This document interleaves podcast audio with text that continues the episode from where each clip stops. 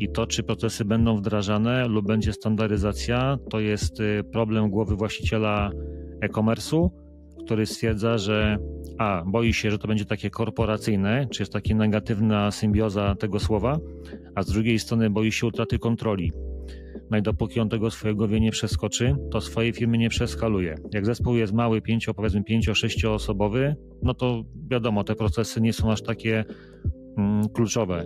W momencie, kiedy się skalujemy, dochodzą nowe osoby, no to brak procesów powoduje chaos. Często są też takie sytuacje, że budujesz te procesy, tak, dokumentujesz, no i potem firma zapomina, bo to gdzieś tam leży i się kurzy, bo nikogo dawno się nie zatrudniało, no i, i coś powstało w firmie i ktoś mówi, ty, ale fajne, nie, tak po roku, no to nie wiadomo, czy się śmiać, czy płakać. Więc zawsze jest coś do poprawy na poziomie samego procesu obsługi zamówienia, zawsze jest coś na poziomie księgowym, no bo tam kwestia jest, y, jaka jest księgowa, kto jaką miał też wiedzę, wiedzę techniczną, no i bałagan w produktach, bo oni się tak naprawdę wszystko, wszystko zaczyna, więc ten fulfillment będzie myślę takim trochę połączeniem, kompromisem między Twoją geografią, Twoim zespołem, a tym, czego dzisiaj raz, że oczekuje rynek, a dwa, też na tobie to wymuszają market, marketplace'y.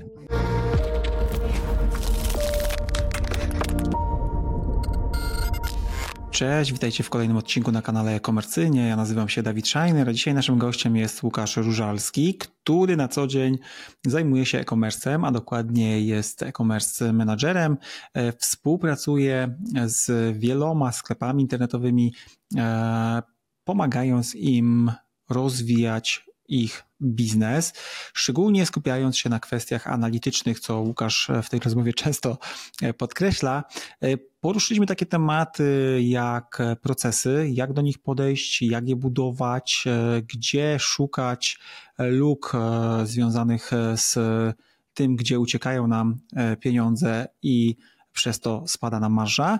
E, poruszyliśmy też tematy związane z automatyzacją, jak do nich podejść, gdzie szukać pomysłów e, i czy lepsze jest e, budowanie zespołów wewnątrz firmy, czy też automatyzacja i outsourcing tych działań na zewnątrz. To i wiele innych ciekawych wątków w dzisiejszym odcinku. Dajcie więc łapkę w górę, dajcie suba i lecimy z tematem. Cześć Łukasz. Cześć Dawid. Dzięki, że wpadłeś. E, domyślam się, że e, ciężko było znaleźć czas, bo po pierwsze no, nie mogliśmy się zgrać, to jest jedno, ale drugie, że e, w, w e-commerce ta końcówka roku. Nie wiem, kiedy ten, ten wywiad zostanie opublikowany, ale nagrywamy go końcówką roku, więc gorączka związana z, z wszelkimi wyprzedażami świątecznymi, mikołajkowymi i tak dalej właśnie się zaczęła, więc domyślam się, że dość mocno jesteś teraz oblegany przez swoich klientów. Coś, coś w tym jest. Coś w tym jest, no właśnie. E, powiedz mi tak z ciekawości, e, jak prowadzisz e, konsultacje i te projekty, które, które realizujesz we współpracy tam z, z Twoimi klientami, e, czy duży jest procent sklepów, które są mega sezonowe i ten listopad, grudzień to jest zarobek na cały rok, czy, czy raczej współpracujesz z takimi sklepami, gdzie jednak jest to mniej sezonowe i, i te wyniki raczej są równo rozłożone w całym roku? To trochę odwrócę Twoje pytanie moją odpowiedzią. Jak już z kimś pracuję, to musi trochę przejść inne kryteria. Y, miałem taką o. rozmowę nawet w tym tygodniu z branżą sezonową, gdzie problemem było wyliczenie kiedy jest największy pik i czy faktycznie z tego piku jesteśmy w stanie utrzymać cały dział, całą firmę przez cały rok czasu. No ale finalnie okazało się, że nawet ten kawałek z tego tortu w tym sezonie jest zbyt niski do skonsumowania, żeby ten biznes był opłacalny i ten projekt został, został zaparkowany. Co do samych konsultacji, mm -hmm. jakie prowadzę, nie, nie, uciekam od konsultacji.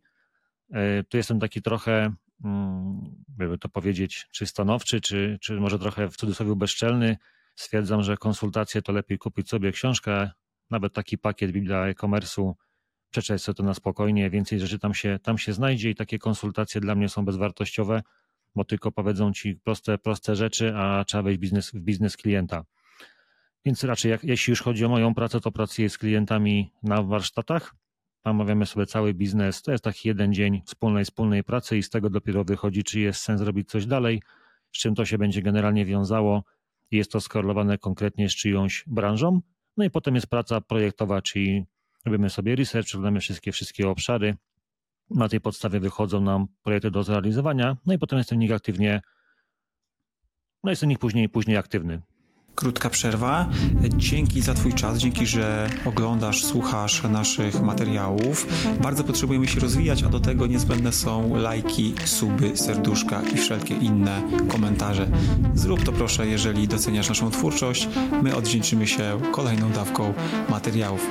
Dzięki, wracamy do tematu. Mhm.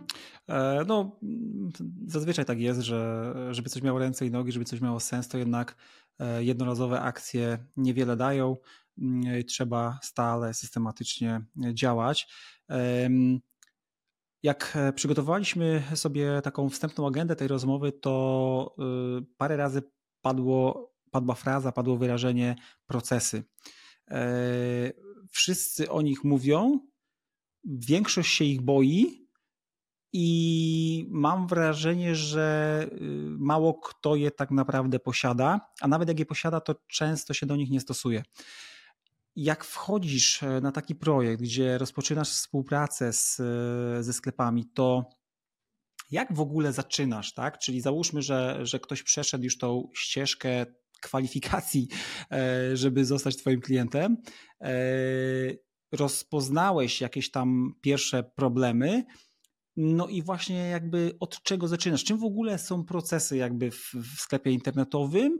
Jak je zacząć układać i jak je później egzekwować, żeby one e, faktycznie działały? Dużo, dużo pytań w pytaniu. Mm, czym jest proces? Proces jest takim ułożeniem kolejnych czynności następujących po sobie w ten sam sposób. Mm, czy firmy mają procesy? Mają. Często, niestety, często one są w głowach właścicieli i to, czy procesy będą wdrażane lub będzie standaryzacja, to jest y, problem głowy właściciela e-commerce'u, który stwierdza, że a, boi się, że to będzie takie korporacyjne, czy jest taka negatywna symbioza tego słowa, a z drugiej strony boi się utraty kontroli. No i dopóki on tego swojego wie nie przeskoczy, to swojej firmy nie przeskaluje. Jak zespół jest mały, pięcio, powiedzmy pięcio, sześcioosobowy, no to wiadomo, te procesy nie są aż takie mm, kluczowe w momencie, kiedy się skalujemy, dochodzą nowe osoby, no to brak procesów powoduje chaos i w pewnym momencie miesza nam się zakres obowiązków pracowników, kto za co odpowiada, jak ma pracować. Z drugiej strony przychodzą do pracy nowe osoby i one są szkolone przez osoby z doświadczeniem, które nie są do tego przygotowane, bo nam się wydaje, że jak ktoś całe życie obsługuje klienta, to on dobrze wdroży nową osobę a tak to niestety się nie dzieje. Więc procesy, o których mówimy, to można byłoby je w ogóle podzielić na takie trzy obszary, czyli procesy związane z onboardingiem i strukturą, czyli kogo zatrudniamy, z czego rozliczamy, czego wymagamy, jakie dajemy narzędzia. Drugi, drugie procesy związane typowo z e-commerce'em, czyli sprzedaż, czyli co się dzieje od wejścia zamówienia do wyjścia zamówienia, jakie są integracje, co z czym dokładnie, jak przepływa i dokumentowanie tych rzeczy i dalsza optymalizacja. No i trzy to tak procesy marketingowe, czyli w jaki sposób ustalamy sobie KPI marketingowe. Czyli powiedzmy, mamy plan sprzedażowy na poziomie miliona złotych, zakładamy marżę na poziomie X, zakładamy z tej marży X procent market, budżetu marketingowego na poziomie Z i to się potem rozkłada na poszczególne kanały i to też warto sobie ułożyć w formie procesu, bo też spotykam się z takimi projektami, na których pytam właściciela, czy zarabia i on mówi, że chyba tak. Albo pytam go, no dobra, no to jak masz ten, tą wielokanałowość, to bo na przykład dostałem ostatnio tak w spadku Criteo do optymalizacji, no i zapytałem, schodząc do roli specjalisty, zapytałem, dobrze, to jaki mam budżet, jakie mają być efekty? No i dowiedziałem się, że jak będzie dobrze, to będziemy zwiększać. No i pytam, no dobra, no ale co to znaczy, że będzie dobrze? No i dostałem ten wskaźnik, no i jest problem ze spięciem się biznesu i po prostu mówię, no to nie można wychodzić z założenia, że każdy opiekun kanału jest opiekunem kanału i patrzymy, co będzie, tylko trzeba zrobić z tego proces, czyli obudować, że mamy jakieś założenia sprzedażowe, mamy przydzielony procent z naszej marży na marketing, no i potem rozkładamy go na te kanały, które dają nam paliwo dla naszego biznesu.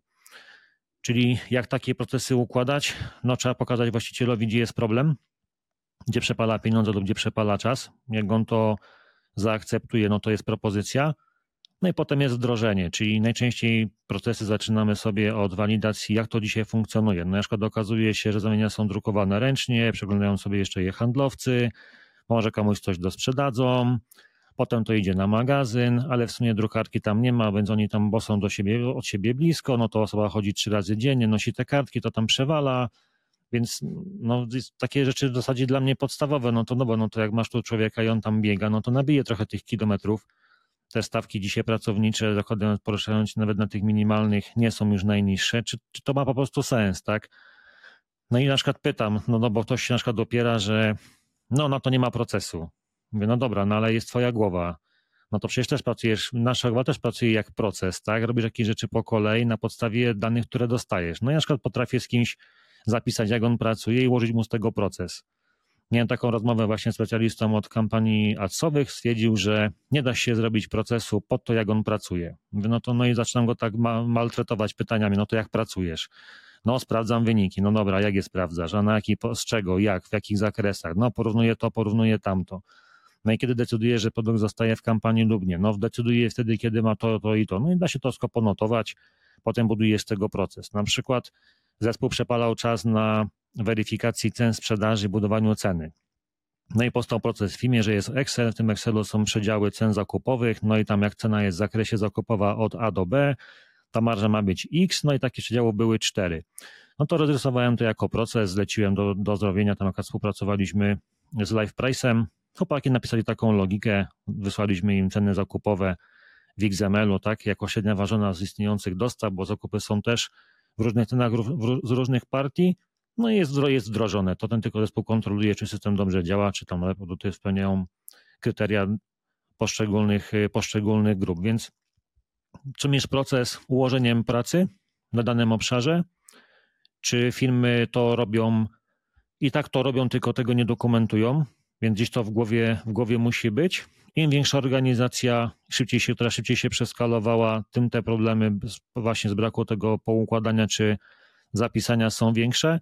Nawet sam byłem świadkiem, nawet firma zapomniała, że ma procesy, była nowa osoba w zespole, no i tam dostała zadanie, coś tam miała wykonać, a chyba miała ustawić e, opisy do Allegro tam według standardu, nie zrobiła tego, przyszła druga osoba, pokłócili się, że miało być, że nie ma, on się wkurzył, że no nie, nie taka była rozmowa, że stoi tutaj właściciel, mogę, gówno, gówno burza. No ja tak tylko wysłałem do właściciela SMS-a, bo jak się śmiałem z boku, my też zrobiłem wam z tego instrukcję, tak?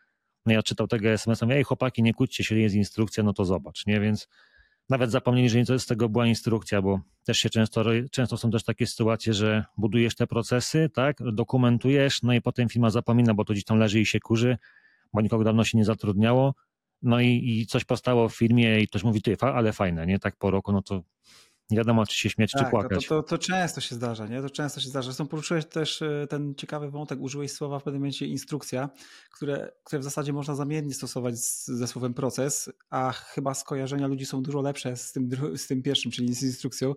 My mieliśmy taki problem właśnie, że jak wdrażaliśmy na przykład u nas e, procesy, procedury, to każdy jakby stawał okoniem e, na samo to słowo, bo ono się po prostu właśnie kojarzy korporacyjnie i chyba, chyba negatywnie, a wystarczy czasem zmienić słownictwo i dużo to, dużo to ułatwia, nie?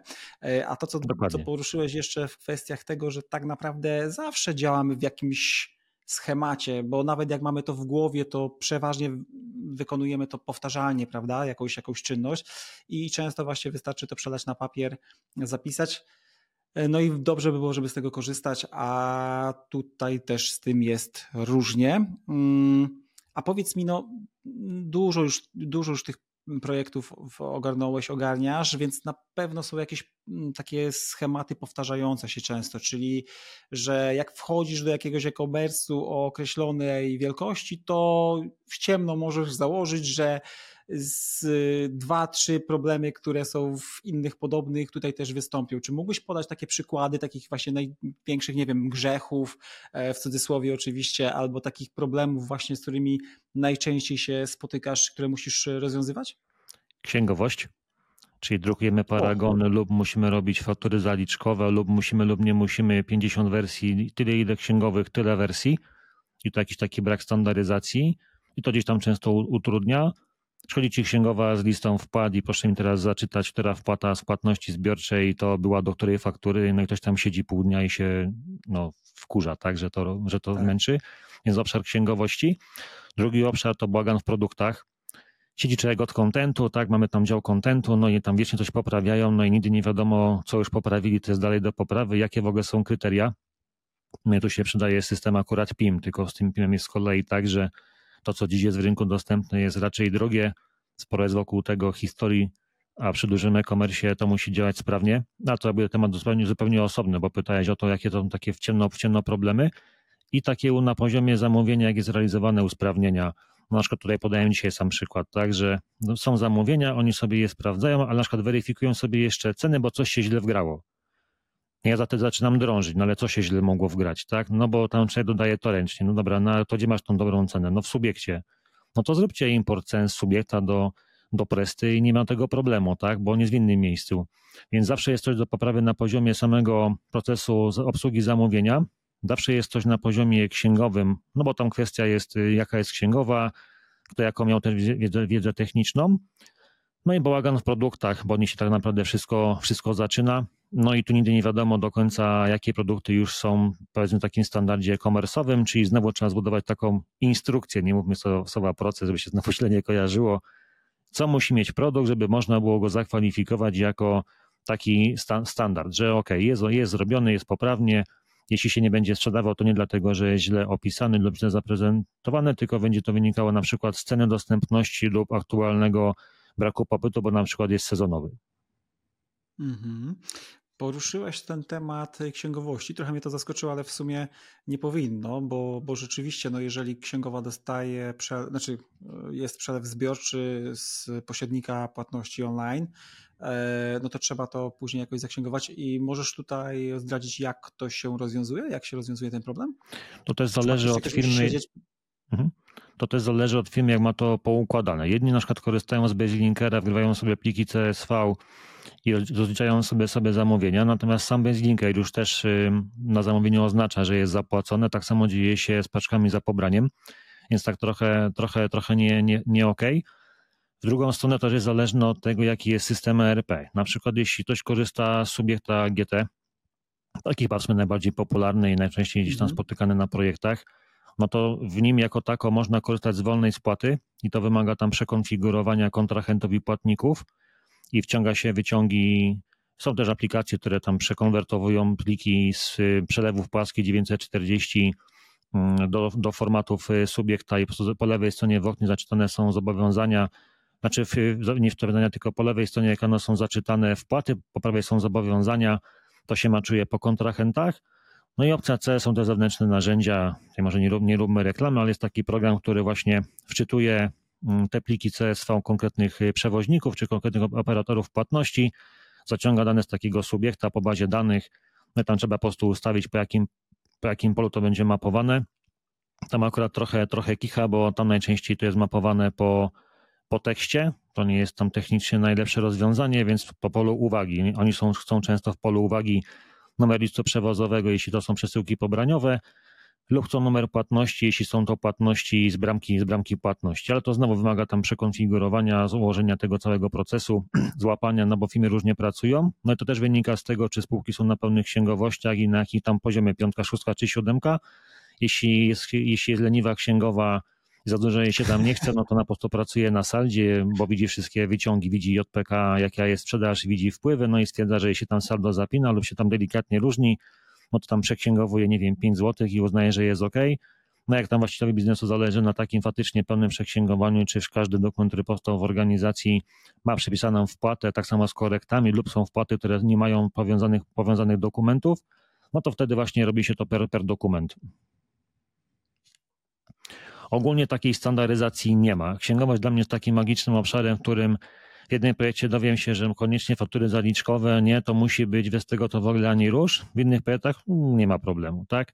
Fiskalizacja. Teraz ostatnio był taki, taki, taki temat, że jeśli spełniasz wymagania zwolnienia z fiskalizacji, czyli masz sprzedaż internetową, wysyłkową, twoje produkty nie podlegają pod, tam, konkretne kategorie, nie sprzedajesz tam ropy, benzyny, tytoniu, sprzętu komputerowego, masz wysyłkę, nie masz odbioru osobisty, tylko wszystko wysyłasz, cała kasa leci na konto, no to możesz tam korzystać z zwolnienia z fiskalizacji. No i okazuje się, że dla Urzędu Skarbowego przesyłka za pobraniem to jest gotówka. O. O, mimo że przychodzi przelew od, od przewoźnika. Tak, no i teraz no. pytanie, kto ma rację, więc no, ciekawy, ciekawy obszar, kwestie... gdzie jest sporo różnych możliwości, jak do tego podejść, no i też zdarzają się projekty, gdzie te dane, które się dostaje od strony księgowej są po prostu z sobą sprzeczne. Tak, e, no, mm, trochę tych problemów też wynika z e, po prostu niestabilności prawa i braku przejrzystości tego prawa, dlatego też każdy sobie je interpretuje po swojemu, e, no ale z tym raczej nic nie zrobimy, nie mamy na to większego wpływu. Jest to też chyba myślę, że wiedzy, bo są księgowe, które jakby są aktywne, co się dzieje i idą z nowymi trendami. Są księgowe, które jakby zastały swoją wiedzę kilka, kilka lat temu, tak zawsze tak pracowały, tak było dobrze nie chcą niczego zmieniać. Są księgowe na etacie i są księgowe zewnętrzne. No, biuro rachunkowe zewnętrzne czy księgowa zewnętrzna będzie bardziej taka dla ciebie pomocna, no bo ona się liczy z tym, że jak coś źle policzy, no to potem idziesz do sądu, a taka księgowa na etacie, nie mówię, że to jest coś, coś złego czy coś dobrego, tylko porównuje odpowiedzialności. No jak ona coś zrobi źle, no to może się ścigać do tak. trzykrotności jej pensji. No jak ona tam pensji, się walni na trzy miliony w podatku, no to, to to jest problem twój, nie tej księgowej. Dokładnie tak, dokładnie tak. No i coś w tym jest. Ja pamiętam, jak myśmy e, przechodzili z jednoosobowej działalności gospodarczej na spółkę ZO, no to musieliśmy się po prostu pożegnać z księgową, bo ona no, no, no nie, nie chciała, tak? Nie chciała obsługiwać spółki ZO, bo to za dużo roboty, a po co wam to, nie możecie, po co się tam pchacie, no i takie były, takie były tematy, nie, więc, więc rzeczywiście tak jest, że niektórym jest wygodniej na, na, na, na starych rozwiązaniach, na, na, na, sprawdzonych, w których się gdzieś tam dobrze czują i nie chcą iść z duchem czasu. E, dzięki za, za, za to, co, co powiedziałeś, bo dość dokładnie to nam tutaj e, rozpisałeś, tak w cudzysłowie. E, a powiedz, bo nie, nie wymieniłeś wśród tych e, najczęściej spotykanych problemów żadnego problemu związanego z marketingiem. E, I czy to wynika z tego, że raczej w projektach, które prowadzisz, ten marketing jest na jakimś sensownym poziomie, czy wręcz przeciwnie, nie ma go w ogóle, więc nie ma problemu? Znaczy pytanie było zadane w kierunku najważniejsze powtarzalne błędy. To, to właśnie to obszary przyszły mi do głowy z mhm. marketingiem. Mm, ja raczej tak się specjalizuję, to jest mi bliższe ta część właśnie procesowa, technologiczna, czy takie bardziej IT dla e-commerce'u. Marketing dla mnie mhm. to jest tabelka w Excelu, niestety, niestety i zewnętrzna agencja performanceowa i, i tego się kluczowo, kluczowo trzymam. Mm, nie, nie wchodzę w tematy gdzieś tam brandingowe, lejka sprzedażowego, że tu widoczność, tu zasięg, tu świadomość. Natomiast jeśli już wchodzę w temat marketingowy, no to właściciel na przykład mówi, że no to du dużo mam fakturę tam za Allegro Acy, nie? Pytam się, a jaką masz tą fakturę? No 20 kilo na twarz. Mówię, no to faktycznie sporo płacisz, nie? No to jakie masz z tego wyniki? No i okazuje się, że ta faktura, no wchodzisz wtedy w umowę, weryfikujesz, no i są takie powiedzmy nie za fajne zapisy w postaci, że jest, jest paragraf wynagrodzenie, jest paragraf y, budżet marketingowy, no i to jest załącznik numer 4 i dopiero w tym załączniku 4 jest prowizja od tego budżetu. No i się okazuje, że tam grzeją no to wchodzisz na takie konto, jak, no, jak jest konto agencyjne, no to agencja musi ci włączyć widoczność, żebyś miał do tego konta dostęp. Czyli już do gościa piszesz, poproszę o dostęp do konta. No to dostajesz na twarz, nie mogę dać dostępu, bo jest to konto agencyjne. No to się dalej boksujesz i piszesz, dalej jest możliwość włączenia e, dla klienta z wszystkich, z poziomu wszystkich kont agencyjnych do, w trybie podglądu, proszę włączenie trybu podglądu. No jak już po druga strona widzi, że wiesz o co chodzi, no to już nie ma boksowania, tylko ci to dają no to potem sobie ściągasz raporty i patrzysz, gdzie ci przegrzali sprzedaż. No i musisz potem wejść do Excela i pokazać, że no dobra chłopaki, ale zobaczcie, tu włączyliście taki kanał, tu włączyliście taki kanał, tutaj produkt nie ma, nie broni się, tak, wydaliście na, na, na reklamę 1000 zł, sprzedaż było z tego 10 zł. Czyli no trzeba już tam wejść, wejść dosyć, dosyć, dosyć dokładnie. Z kątem matsowym analogicznie, no jeżeli klientowi tam się ten biznes nie zapina, no to jeszcze najpierw patrzę w ogóle, jak, jak jego sklep wygląda, tak, czy to jest jakiś SaaS, tak, który jeszcze jest bez jakiejś tam szaty graficznej, opisy są w ogóle od producenta prosto powklejane, tak, wali to wszystko błędami, tytuły to są też chyba z ERPA, na zasadzie tam, nie wiem, bluzka czarna 14 XL, tak, zdjęcie tam gdzieś jedno bez aranżacji, no i wtedy ten marketing, no to trzeba zwrócić uwagę, gdzie, ten, gdzie on ma kierować, tak, na co, na jaki sklep, jak on jest wykonany, w jakiej technologii, jak to wygląda graficznie, interfejs, UX, no i potem jak to technicznie jeszcze wygląda, no i dopiero później jak produkty wyglądają, dopiero później te poszczególne kanały marketingowe. A to wszystko wychodzi na poziomie jakby briefa przy, przy warsztacie. Mhm.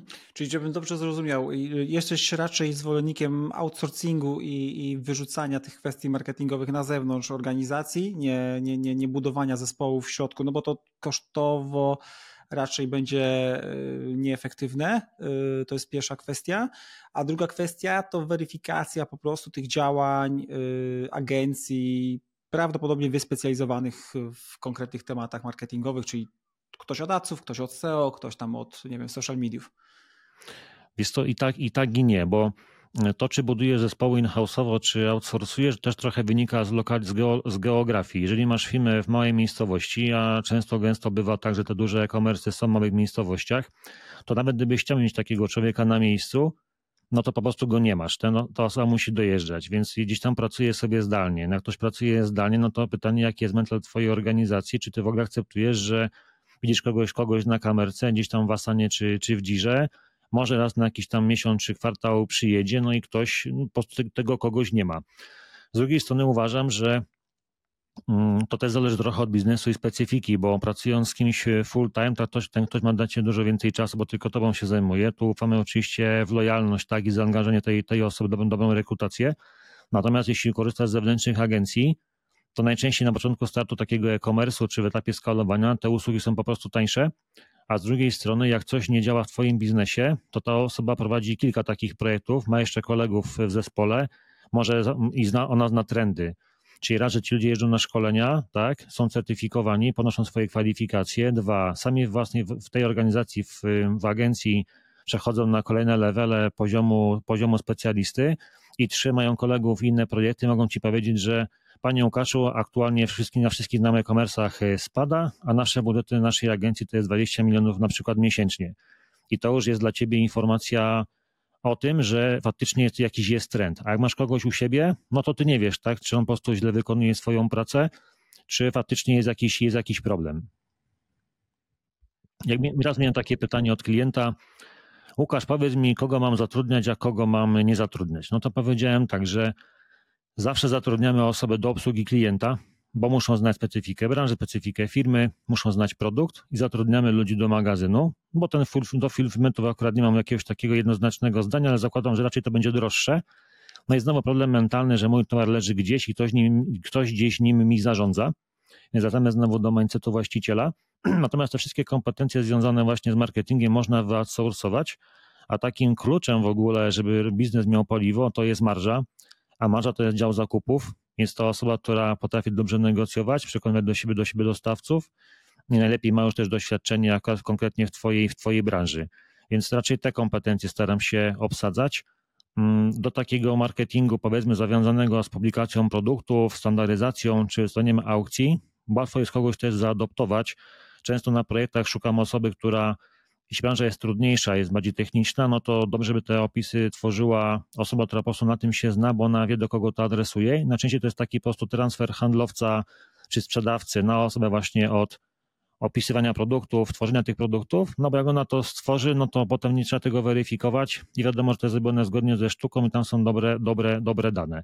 Natomiast takie kompetencje właśnie związane z pozycjonowaniem, związane z kampaniami Google AdSem, Allegro AdSem czy kompetencje Facebook AdSem, ogólnie performance'em, no to zawsze ja deleguję zewnętrznie.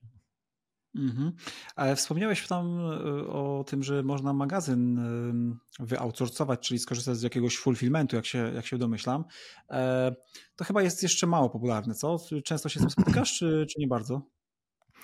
Spotykam się z tym, że logistyka to jest siostra sprzedaży, i jak najpierw jest kłopot ze sprzedażą, bo wszyscy właściciele e-commerce chcą mieć sprzedaż i jak już tą sprzedaż mają, to potem widać, jak ten zespół był prowadzony, ile on potrafi wytrzymać, czyli zdolność operacyjna. I potem magazyn jest takim lustrem, co z tą sprzedażą jesteś w stanie zrobić? I pytanie, pytanie A, czy magazyn wytrzymuje, paczki wysłane są na czas? B, Jaka jest wydajność pracy tych, tych osób? Czy to wynika z tego, że firma ma jakieś zastałości i ci ludzie nie pakowali w jakimś konkretnym tempie, w jakiejś, w jakiejś standardy, standaryzacji? Czy magazyn był źle poukładany lub towar jest trudny? Jeśli chodzi o sam fulfillment, to będzie moim zdaniem rosło z tego powodu, że samo Allegro bardzo mocno narzuca mm, obecne wymagania w stosunku do czasu wysyłek. Oczekuje od ciebie, o ile jeszcze oczekuje większej ilości przewoźników, to jest tam do ogarnięcia, bo Często firmy, firmy mają bez linkera, to jest tylko kolejna tam konfiguracja, tam wtyczki wysyłam z Allegro. Natomiast takie rzeczy jak późna godzina, późna godzina wysyłki, czyli po godzinie 12, premiowanie tego punktami w jakości oceny twoje, twojej sprzedaży, wysyłki w terminie. Teraz dochodzą kolejne, kolejne oczekiwania, że możesz wysyłać paczki w soboty i w niedzielę, no powodują ci rewolucję. No i teraz ja sobie nie wyobrażam, że w firmie w mojej miejscowości właściciel mówi do swoich pracowników, o pracujecie w niedzielę, bo raży trochę prawo do tego może go tam w jakiś sposób kastrować. Dwa, ludzie mu się zaczną stawiać, będzie musiał im oddawać ten dzień. Tak, będzie musiał ten dzień oddawać im jako dzień roboczy, a tych paczek w tygodniu też wcale, wcale nie jest mało. A jak tak patrzymy na to pokolenie osób, które dzisiaj wchodzą na rynek pracy i są jakby tutaj adresowani do takich pracy powtarzalnych, właśnie prac magazynowych, to niekoniecznie jest tam jakaś super motywacja do tej, do tej pracy, więc ten fulfillment będzie myślę takim trochę połączeniem, kompromisem między twoją geografią, twoim zespołem, a tym, czego dzisiaj raz, że oczekuje rynek, a dwa, też na tobie to wymuszają market, marketplace'y. Mhm. E, Okej. Okay. Mm, trochę zahaczyliśmy temat e, outsourcingu, trochę, e, trochę wchodzimy już w kwestie związane z automatyzacją. Wiem, że bo rozmawialiśmy o tym, że ty też w tych automatyzacjach dość mocno siedzisz. Jak wchodzisz do takiego sklepu internetowego i poukładasz te wszystkie procesy e, wraz z zespołem, e, no to pewnie przychodzi naturalnie taka myśl, że warto by było część przynajmniej z nich e, zautomatyzować, no bo po co to robić ręcznie, prawda? I od czego jakby zacząć e, tę automatyzację? Jak w ogóle wpaść na ten pomysł? Wydaje mi się, że to jest naj, naj, najczęściej taki e, spotykany problem, że właściciele e, e-commerce'ów chcieliby właśnie automatyzować pewne, pewne rzeczy, ale nie mają pomysłu od czego, od czego zacząć. No oprócz takich najprostszych właśnie mm, automatyzacji typu, że nie wiem, e-paragony wprowadzimy, tak, i, i, i one się będą wysyłały, ale, ale jak automatyzować dalej? Jak znajdować te obszary, gdzie, gdzie tę automatyzację można zastosować. Co, no musisz, znaczy to dwie kwestie. Pierwsza to właściciele biznesów. Często ich wizja to jest taka wizja powierzchowna, bo oni nie wchodzą głęboko w swoją firmę i nie widzą wszystkich rzeczy. A dwa, jak automatyzować, no to y, raz, że masz już doświadczenie na projektach i jakby proponujesz rozwiązania na wejściu. Z drugiej strony, jak już masz ten warsztat i na nim opracowujesz, przechodzisz przez pewne, pewne, pewne obszary, znaczy wszystkie obszary tak naprawdę firmy, no to już widzisz, gdzie gdzie jest praca do odrobienia. No i trzy to po prostu jest praca z zespołem, obserwacja pracy zespołu, czyli jeśli mówimy o, o automatyce na poziomie na przykład hurtowni danych, ostatnio dowiedziałem się, że firma ma dział analiz, no to moje wrażenie było takie, że tam jest jakiś Power BI i siedzi jakaś tam dziewczyna, agregują jakieś tam dane, mają może jakiegoś, mają też informatyka, czy zakładałem, że jak mówi się o filmie informatyk, to pewnie koleś tam programuje i spina jakieś tam tematy. Okazuje się, że ten informatyk to jest osoba, która tam raczej instaluję moduły, moduły do Presty i coś tam napiszę w PHP, ale poziom taki raczej, raczej podstawowy, czyli dla firmy wystarczający, ale to nie są jakby takie kompetencje, jakie spotykam się na co dzień w pracy przy partnerach zewnętrznych, a ta hurtownia danych, ten dział analiz, to po prostu były Excele i dziewczyna tam wpisywała dla wybranych tam kluczowych produktów tam ceny i stany i patrzyła, jakie oni mają dzisiaj i ustalała w też tym Excelu, jakie mieliby mieć. No i teraz jak do tego podejść? No to zaproponowałem im zróbmy scrapping tak z waszej konkurencji, czyli skąd to, skąd to bierzecie. Potem się okazało, że tam ceny biorą z panelu dystrybutora, ale dystrybutor, czyli tam producent, mm, no jest bardzo niechętny do dane upubliczniać, ale jest coś takiego, że tam można dodać te wszystkie pozycje do koszyka w platformie B2B i potem to wyeksportować. No i okazuje się, że są narzędzia pozwalające na to, że można taki scrapping zrobić, że robot po prostu się loguje do, do tej platformy, te dane wszystkie rzucone potem wchodzą na maila, drugi robot to z tego maila pobiera, więc y, trochę, trochę kreatywności, trochę doświadczenia i trochę pracy z ludźmi, jak oni na co dzień pracują i w ogóle pytanie ich o zdanie. Na przykład okazało się, że był taki pożar w burdelu, czyli no tu nam zrobili taki raport, on w ogóle jest beznadziejny, on nie dowozi. Mówię, no dobra, co raport miał nam dać? No miał nam pokazać ceny konkurencji. No to są ceny konkurencji. No i takie jest, e, albo to Agnieszka, no to jest Agnieszka, jest, no to dawaj Agnieszkę. Przychodzi Agnieszka, no i pytamy, Agnieszka, jest raport? No tak. Jest dobry raport? No, tam wczoraj były poprawki, nie zdążyłem zobaczyć. No to zobacz, tak? No i patrzy, no i pytamy, czy raport dla ciebie jest ok. No ona by tutaj zmieniła tylko tą kolumnę, to by przestawiła, iż dla niej jest ok. No i jak zaczęło się od tego, że raport nie działa, skończyło się na tym, że jest, że jest wszystko w porządku, po prostu ktoś się z kimś nie skomunikował. Tak, to, to, to, to częste, częste przypadki, a mm, no, automatyzacje dają bardzo dużo oszczędności i faktycznie i ty jako osoba, no ale nie tylko ty, bo, bo, bo takich osób jest, jest więcej, która z zewnątrz e, może już przynieść pewne rozwiązania i widzi pewne rzeczy, które już wcześniej gdzieś rozwiązywała, na pewno jest też źródłem inspiracji, nie? że ty jesteś w stanie wejść, wskazać, słuchajcie, tu macie taki i taki problem, nawet nie pytacie o jego rozwiązanie, ale już mogę powiedzieć, że możemy to zrobić tak i tak. E, I to wynika z tego, że, że gdzieś indziej już, już rozwiązywałeś ten problem i to też właśnie pokazuje to, o czym ty wspominałeś wcześniej, że jeżeli korzystamy z zewnętrznych e, podwykonawców, nie wiem jak to nazwać, tak, ale z osób, które Partnerów. świadczą specjalistyczne usługi w różnych, w różnych firmach, no to możemy też liczyć na to, że oni przyniosą nam inspirację do, do, do pewnych, e, pewnych zmian. Jeżeli mamy wewnątrz hermetyczny zespół, który w tym samym sosie się gotuje od iluś tam lat, to, to z tą inwencją może być, e, może być trochę trudniej. Ale powiedz mi, czy zdarzały Ci się takie um, przypadki, um, że wprowadzaliście jakieś um, automatyzacje, które musieliście wycofać, bo po prostu nie działały?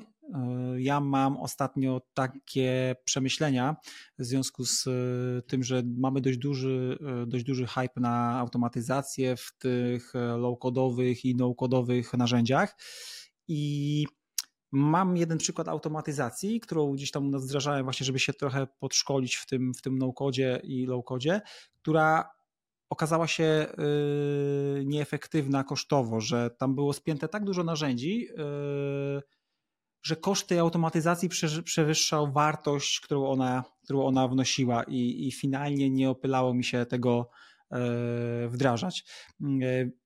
Czy spotykasz się z czymś takim czasem, czy, czy raczej to jest yy, gdzieś tam jakiś wyjątek? Raczej są to choroby wieku dziecięcego. Czyli papier wszystko przyjął, jest wdrożenie, były testy i coś, coś się wysypało. Mm, wycofaliśmy się raz z listy zbiórek na magazynie. Chodziło tam zwiększenie, celem było zwiększenie przepustowości wysłanych przesyłek w ciągu dnia. No i magazyn dostał na twarz nowe wydruki zamówień, gdzie nie było zdjęć produktów, no oni byli przyzwyczajeni i zapomnieliśmy o tym, że produkty mają, są produkty rodzaju, produkt rodzaju komplet, no i tam komplety nie były brane pod uwagę, bo były w innej strefie. Mm, więc y, tak, nie wszystko zawsze przewidzisz. Jako analityk, no tak trochę się bardziej mocno w tym czuję. Mm, jak robisz wizję i potem idziesz tym do zespołu, zespół ma to do siebie, że nie wszystko będzie tak od ręki wiedział, bo odrywasz ich od bieżącej i bieżącej pracy, więc wychodzi to w testach. Taka tutaj nam się nie sprawdziła ta lista zbiórki, Plus no, był taki wyraźny feedback od zespołu, że ten nawyk, że widzą produkt jest na tyle dla nich kluczowy, że w ogóle cokolwiek bez tego zdjęcia, to w ogóle bez kija nie podchodź. Więc jakby tak gasząc pożar na dużej jednostce, no po prostu się z tego wycofaliśmy. Ale co, co do zasady raczej jest tak, że to też mówił, mówił fajnie Szymon Negać, że jak robisz komuś zmianę, czyli tą modyfikację, czy automatyzację, to zawsze na początku musi być gorzej. Czyli ty i tak zanurkujesz w dół, bo jest zmiana, tak? Bo zmiana, zmiana procesu, zmiana systemu, zmiana flow ludzi, ich mentalu, wychodzą jakieś tam rzeczy do poprawy, czyli te choroby wieku, wieku dziecięcego, dopiero po pewnym czasie od uruchomienia jesteś w stanie to ocenić, jaką to przyniosło wartość. Więc podsumowując, raz, raz tak, ale to, to trochę dużo obszar, żeśmy, żeśmy dotknęli mm, i dużo zmian na siebie, na siebie się nałożyło. Co do zasady statystycznie idzie to raczej w kierunku, że nie wszystko zostało przewidziane, są jakieś tam wersje 2-3, trochę jak z Windowsem, tak? Kupujesz Windowsa i ciągle jakieś tam są do niego hotfixy, no i co z tego, że to już tam jest na rynku 6 czy 8 lat, co chwilę coś się w nim poprawia. I to jest, to jest mniej więcej podobnie. A potem są z kolei takie etapy, że jak już dożyłeś, to co taka trochę japońska technika pracy, czyli nie czekamy na dużego molocha, robimy tam po roku upgrade, tylko lecimy małymi, małymi krokami. No tak, te małe kroki już zaplanowałeś, zrobisz, widzisz jak to funkcjonuje, no to ci się odpalają kolejne obszary, które można byłoby jeszcze poprawiać. I to jest taka trochę praca w jakiś sposób nieskończona, natomiast to jest cały czas doskonalenie tego, co już dzisiaj mamy, Plus firma też się zmienia w czasie, no bo jak rośniesz, no to te potrzeby też w czasie się zmieniają. Magazyn na przykład y, zaczyna puchnąć, no i dochodzą ci już inne, inne tematy, tak? Czyli jak automatyzować na przykład zakupy i co wykluczać, jak to w ogóle zestawiać. Więc cały czas jest coś do zrobienia. Mhm. Okej. Okay. Interim manager. Mm, czy tak byś siebie przedstawiał, jak wchodziłem na Twoją stronę, y, przygotowując się trochę do naszej rozmowy? to raczej komunikujesz, że jesteś e-commerce managerem. E, to tylko słownictwo, nazewnictwo, czy rzeczywiście jakby widzisz gdzieś tu jakąś różnicę? Pytam pod tym kątem, że dość często spotykamy się ostatnio z tą funkcją tego interim managera, ale chyba nie do końca znamy różnice, jakie, jakie są pomiędzy e-commerce managerem a, a właśnie tą osobą. Czy, czy one są, czy to jest tylko kwestia nazewnictwa? Jak, jak ty do tego podchodzisz?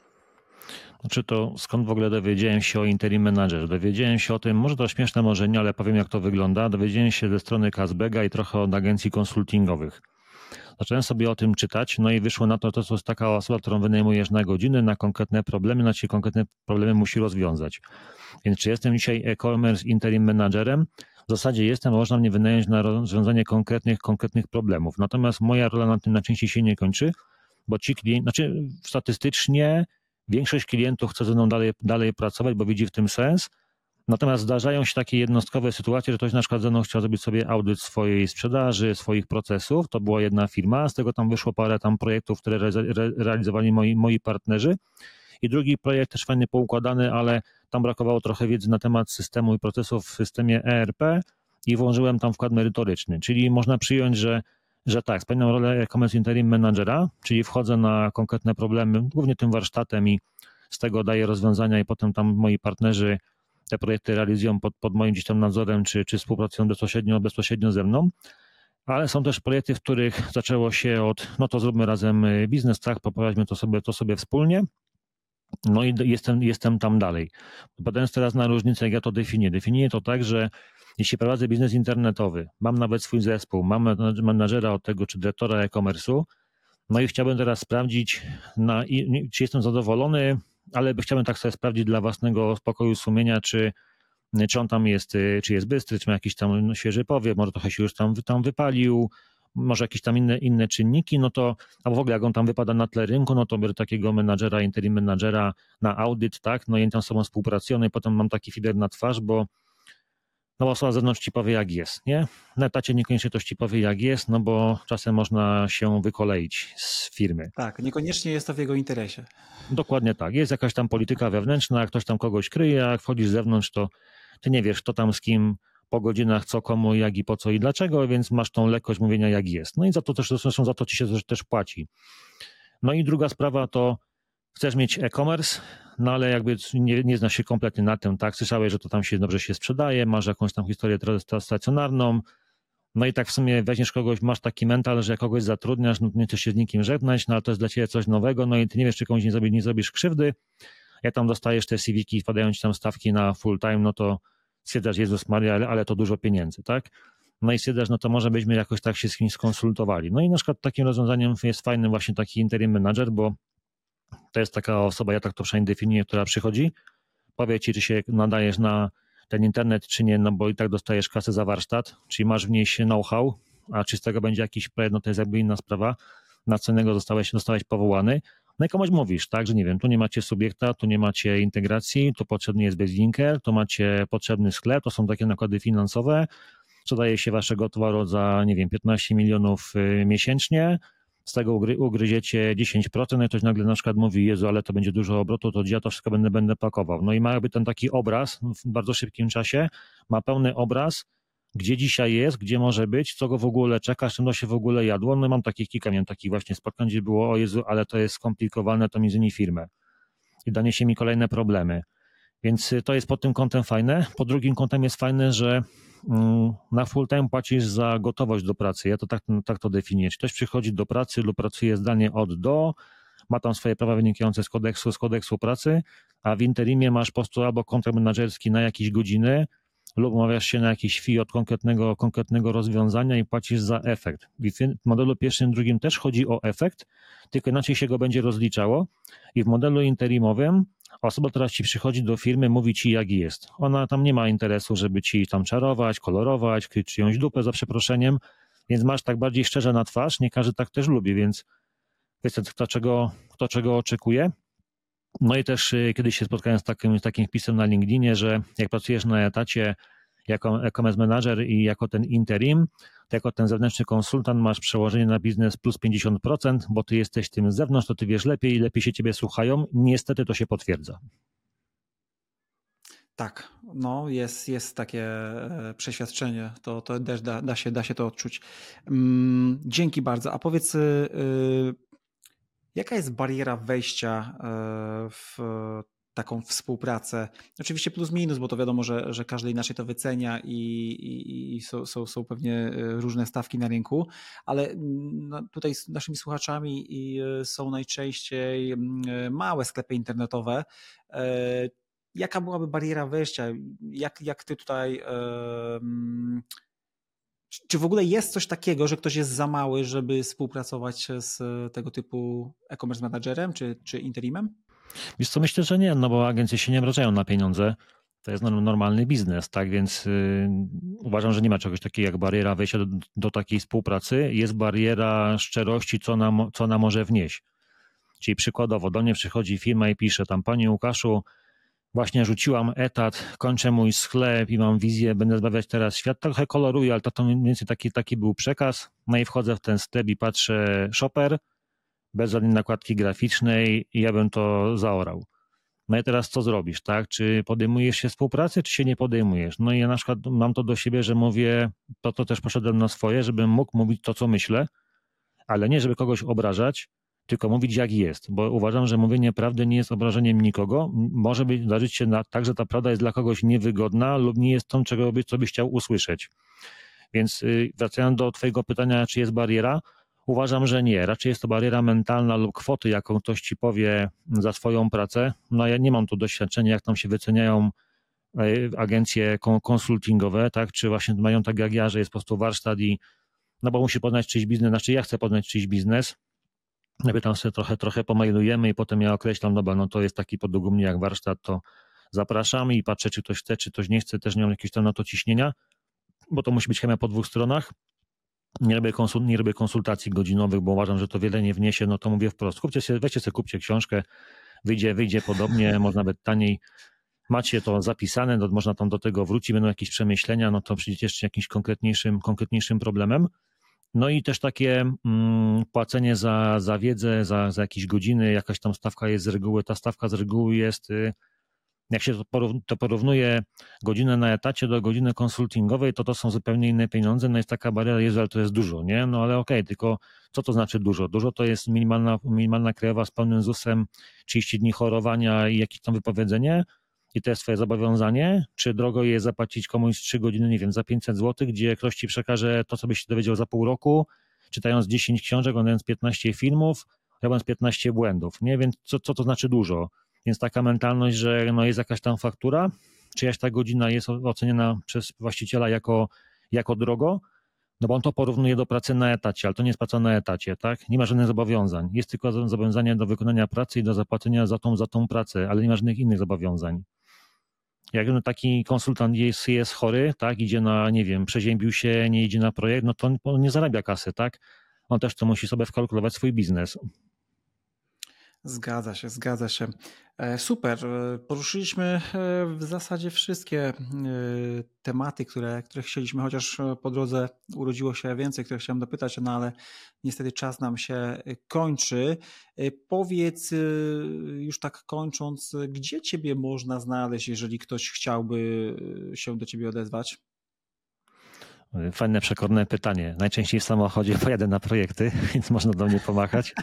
A tak całkiem poważnie, no to na mojej stronie przez formularz kontaktowy e, Jestem też na, też na LinkedInie. Jak ktoś tam gdzieś mój telefon zdobędzie, no to ja telefon nie to uprzedzam. Nie odbieram, nie, że jestem chamski, tylko szanuję czas swój i czyjś. Wolę pomailować, kto to jest, popatrzeć sobie, ocenić, czy, czy jest przestrzeń, jak się z kimś rozmawia, jaki ma biznes i wtedy, wtedy przejść do dalszych, dalszych rozmów telefonicznie Zawsze się to kończyło y, półtorej godziny rozmowy, wyciąganiem informacji i nic z tego dalej, dalej nie było. Po prostu nawet nie potrafię powiedzieć dziękuję, że ktoś w ogóle przekazał swoją, swoją wiedzę, więc telefonicznie nie. Jak sobie zapiszę w telefonie, to, to odbieram, więc przez formularz kontaktowy na mojej stronie lub przez wiadomość na LinkedIn. Super. Ostatnie pytanko. Y, dużo się mówi o kryzysie ogólnie w gospodarce i też w e-commerce szczególnie. Jedni potwierdzają, inni mówią, że to tylko spowolnienie, a jeszcze inni mówią, że nic takiego nie ma miejsca i wszystko jest w jak najlepszym porządku. Ty masz przekrój e, informacji, no bo współpracujesz e, z jakąś tam określoną ilością klientów, pewnie z różnych branż. E, jak ty byś odpowiedział na to pytanie? Faktycznie widać jakieś spowolnienie, czy, czy raczej, raczej nie, tak nie uważasz? Tak, ty zapytałeś teraz, nie tak samo ja pytam, y, patrzę na moich projektach, ale też pytam e, partnerów zewnętrznych i jakie są obecne nastroje. Jeżeli chodzi o samego Google'a, bo to jest taki głównie wyznacznik, no to Google bardziej, nawet optymistycznie, że będzie jeszcze tylko to rosło. Jak spojrzymy sobie przez moje, moje projekty, gdzie, gdzie jestem aktywny, no to moje projekty są najczęściej projektami, które są na fali wzrostu.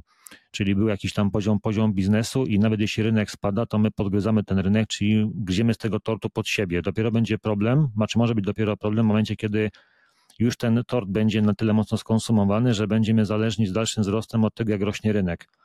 Patrząc na to jeszcze, bo jest analityczny, więc patrząc na to jeszcze dalej, to najbardziej przy kryzysie dostają w tyłek te branże, które są takie mass marketowe, to są produkty, które są relatywnie tanie, no bo kryzys dotyka zwykle osób, które y, no, żyją, żyją skromniej, tak? Mm, nie mają jakichś tam większych zapasów, zapasów gotówki, nie nabywają dóbr luksusowych.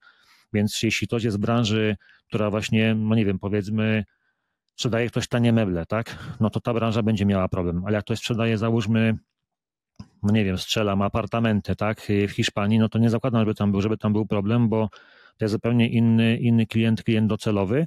No do tego nam jeszcze dochodzi też wielkość, wielkość biznesu. Czy to jest biznes, który jest omnichannel jest, jest cała sieć marka jest rozpoznawalna, brand po prostu jest silny, brand się, brand się broni, czy jest to jakiś tam mały e-commerce, który dopiero, dopiero zaczyna i dostał, dostał właśnie czkawki na powtarzalnym produkcie, czyli to nie ma jakiejś takiej jednoznacznej odpowiedzi.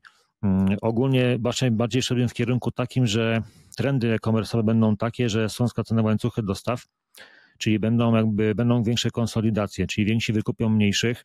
Jeśli chodzi o marketplace zagraniczne, no to bezpośrednio Chińczycy y, wchodzą. Może są w tym udolni, może są w tym nieudolni, ale mają zapas marży, traktują tutaj Europę Wschodnią czy, czy centralną jako hub przeładunkowy i pchają się bezpośrednio na Amazona. Jeśli ktoś na przykład handluje na Amazonie i swojej marki nie zarejestrował, to Chińczycy są tam, są tam bystrzy, przejmują te znaki towarowe, pełne, pełne listingi i pchają swój produkt. No i będzie to szło też w tym kierunku, że marketplace'y wyczyszczą małych graczy przez wielkość, wielkość kosztów i otworzą się mocno na producentów. Czyli raczej wszedłem w kierunku, że kryzys jak kryzys to dotknie poszczególnych obszarów tego, tego rynku, czy poszczególnych segmentów klientów, natomiast ważniejsze według mnie jest to, co będzie w ciągu najbliższych trzech lat. A w ciągu najbliższych trzech lat uważam, że będzie coraz więcej strefów, gdzie kupisz u producenta bezpośrednio, coraz więcej stref, marek, gdzie obsługiwane to będzie przez producenta bezpośrednio lub przez dużego dystrybutora i sklepy średniego szczebla, powiedzmy tak pół miliona plus w górę będą miałem propozycję fuzji do większych e-commerce'ów i rynek się bardziej podzieli. Mniej, mniej osób będzie w danej branży jakby w cudzysłowie rządziło światem. Tak, ta konsolidacja jest e, mocno widoczna, e, prawda? To, to, to widać, że, że producenci e, otwierają swoje sklepy, trochę są zmuszeni do tego, ale no, też widać po marketplace'ach, które no, wysysają, wyczyszczają klientów tym małym e-commerce'om. I, i, I to chyba dzieje się już od dłuższego czasu.